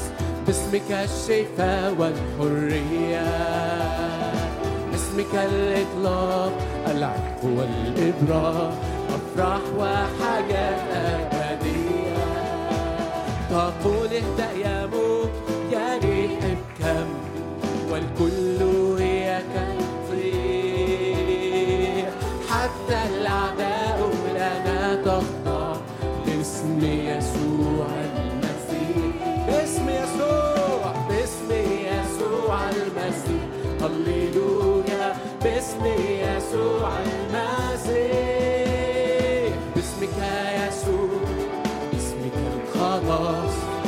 باسمك الشفاء والحرية.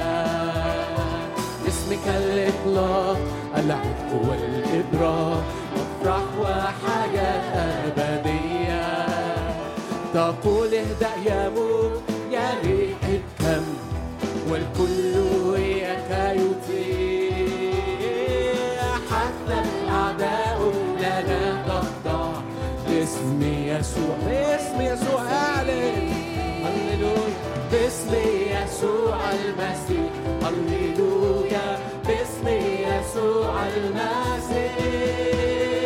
باسمك يسوع. باسمك الخلاص. باسمك الشفاء والحرية. باسمك الإطلاق. العتق والإبراء. أفراح وحياة. بلمسة تشفي. بلمسة تشفي. من كل منك تخرج قوات شفاء يرحل المرض بيننا باسم يسوع المسيح. باسم يسوع باسم يسوع المسيح. هللويا باسم يسوع المسيح. باسمك يسوع باسمك الخلاص باسمك الشفاء والحرية. باسمك الإطلاق العتق والإبراء أفراح وحياة أبدية. باسم يسوع المسيح حرية. باسم يسوع المسيح شفاء. باسم يسوع المسيح إطلاق. باسم يسوع المسيح باسم يسوع المسيح حرية. باسم يسوع الشفاء. باسم يسوع المسيح. إطلاق باسم يسوع المسيح. باسمك يسوع. باسمك الخلاص باسمك الشفاء والحرية. باسمك الإطلاق العتق والإبراء أفراح وحياة.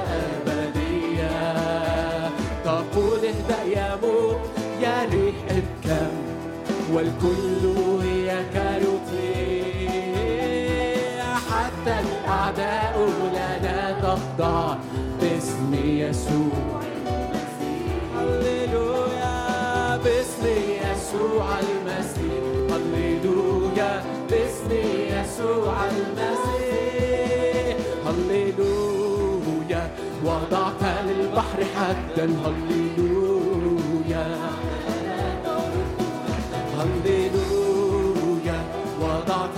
للبحر حدا هللويا أعداءنا ترد رد مجدك. مجدك في وسطنا. سوء نارك حولنا. أنت ترس عوننا وسيف عظمتنا مجدك في وسطنا. سور نارك حولنا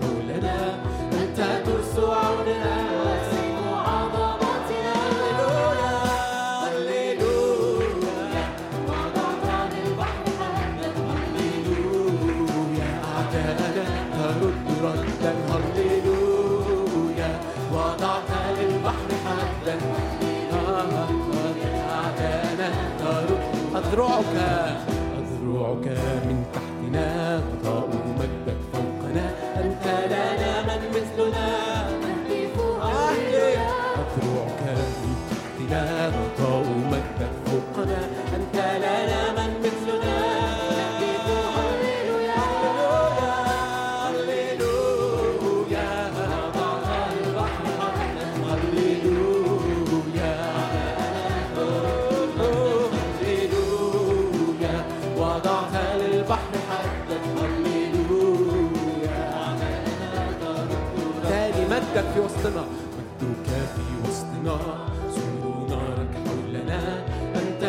عوننا وسيف عظمتنا مجدك في وسطنا سور نارك حولنا. أنت ترس عوننا.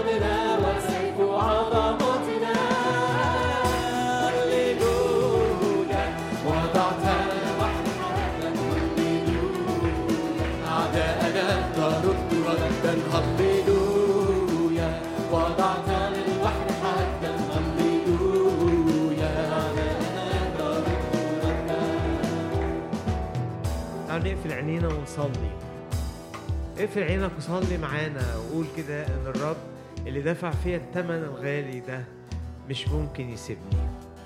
الرب اللي تمني ثمن غالي جدا مش ممكن يتخلى عني.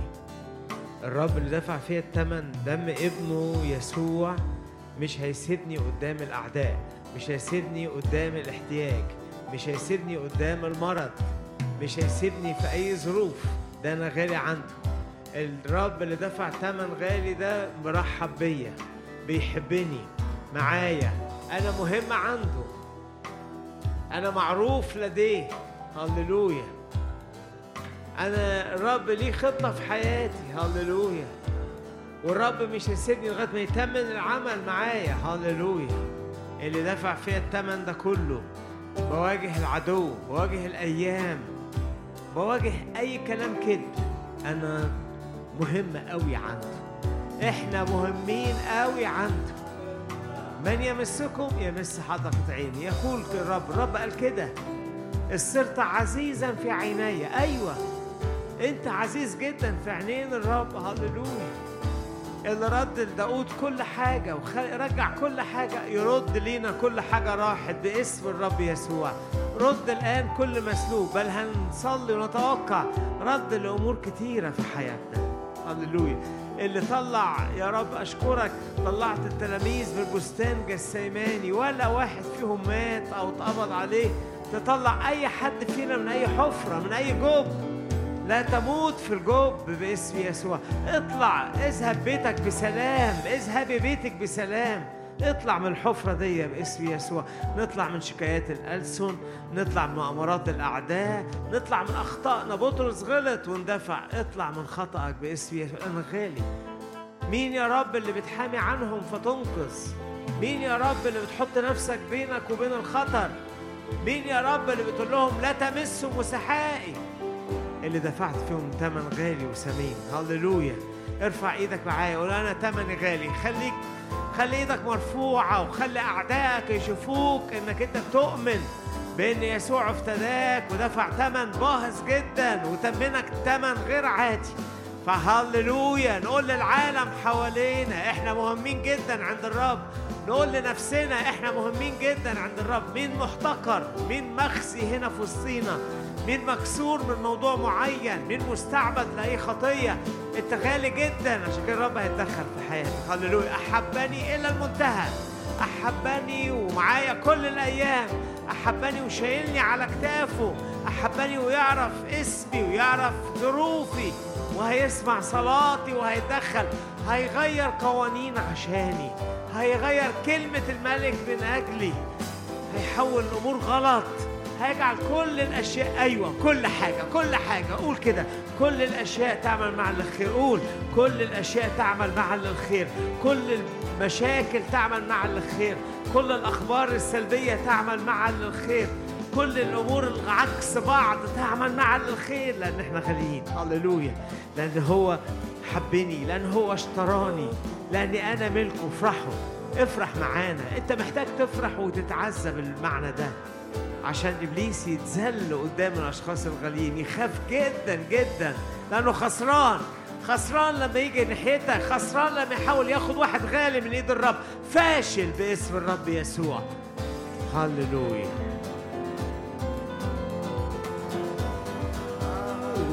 أحبك يا رب يا قوتي صخرتي وحصني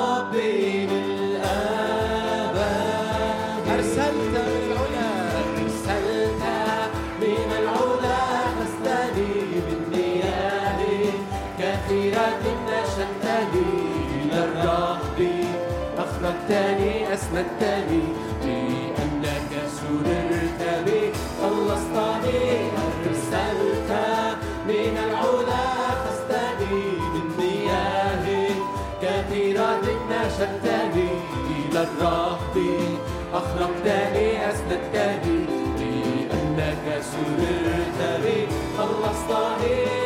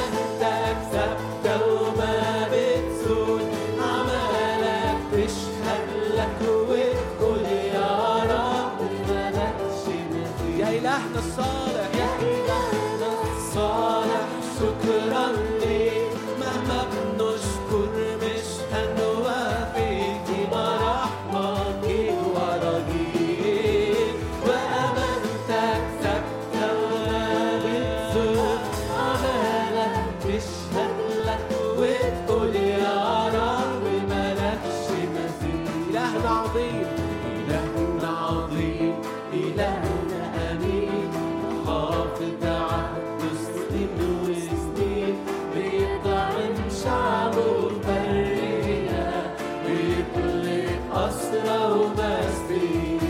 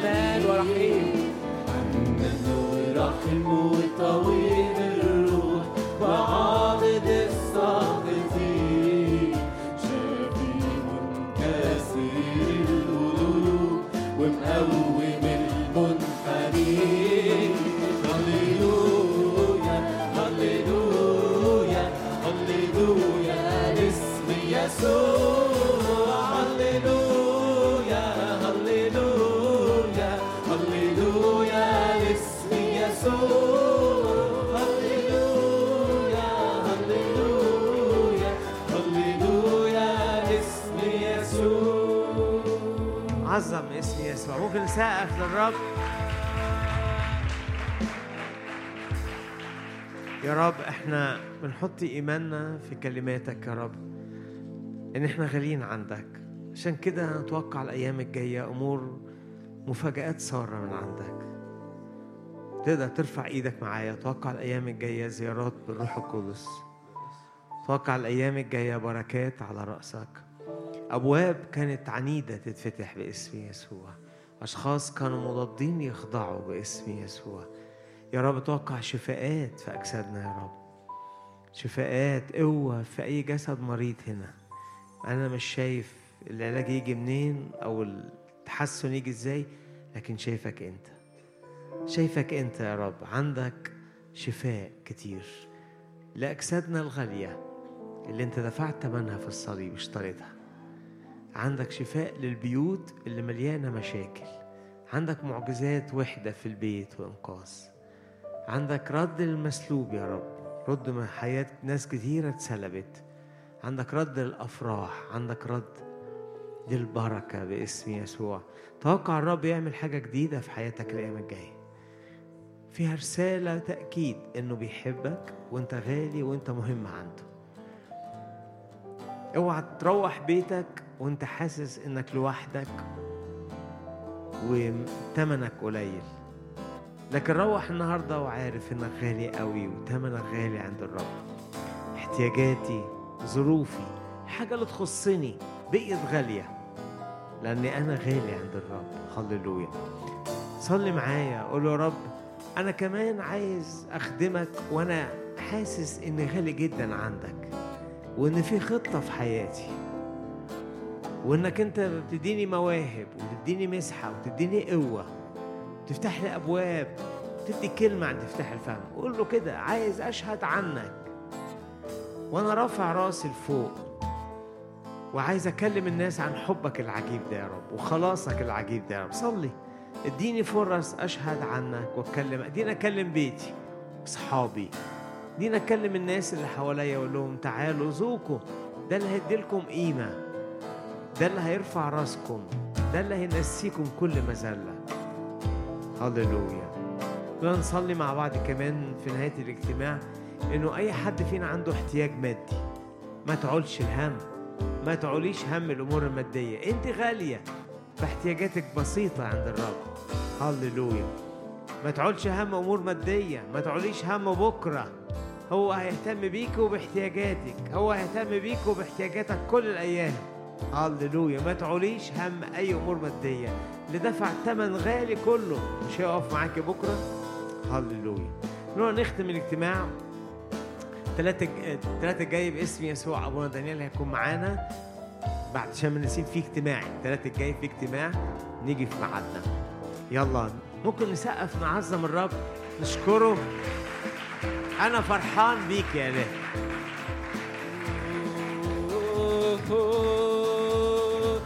وتعود وتدي جمال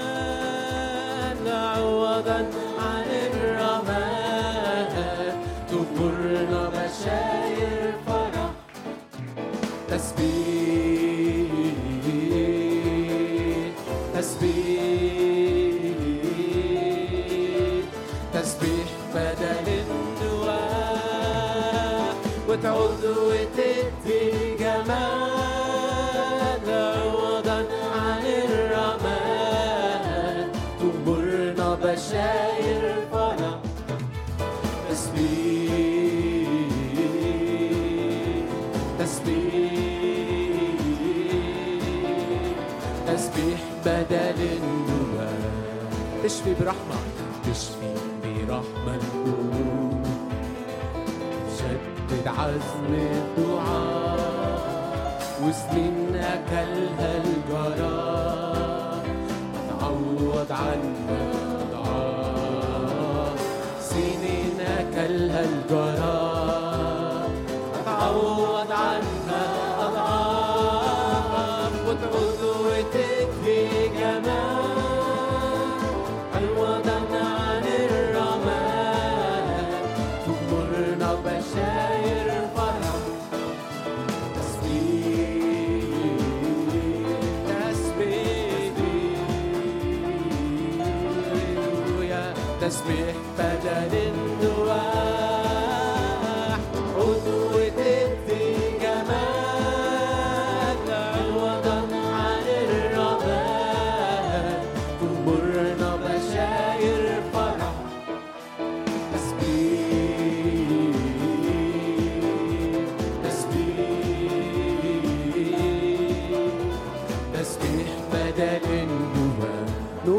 舒服。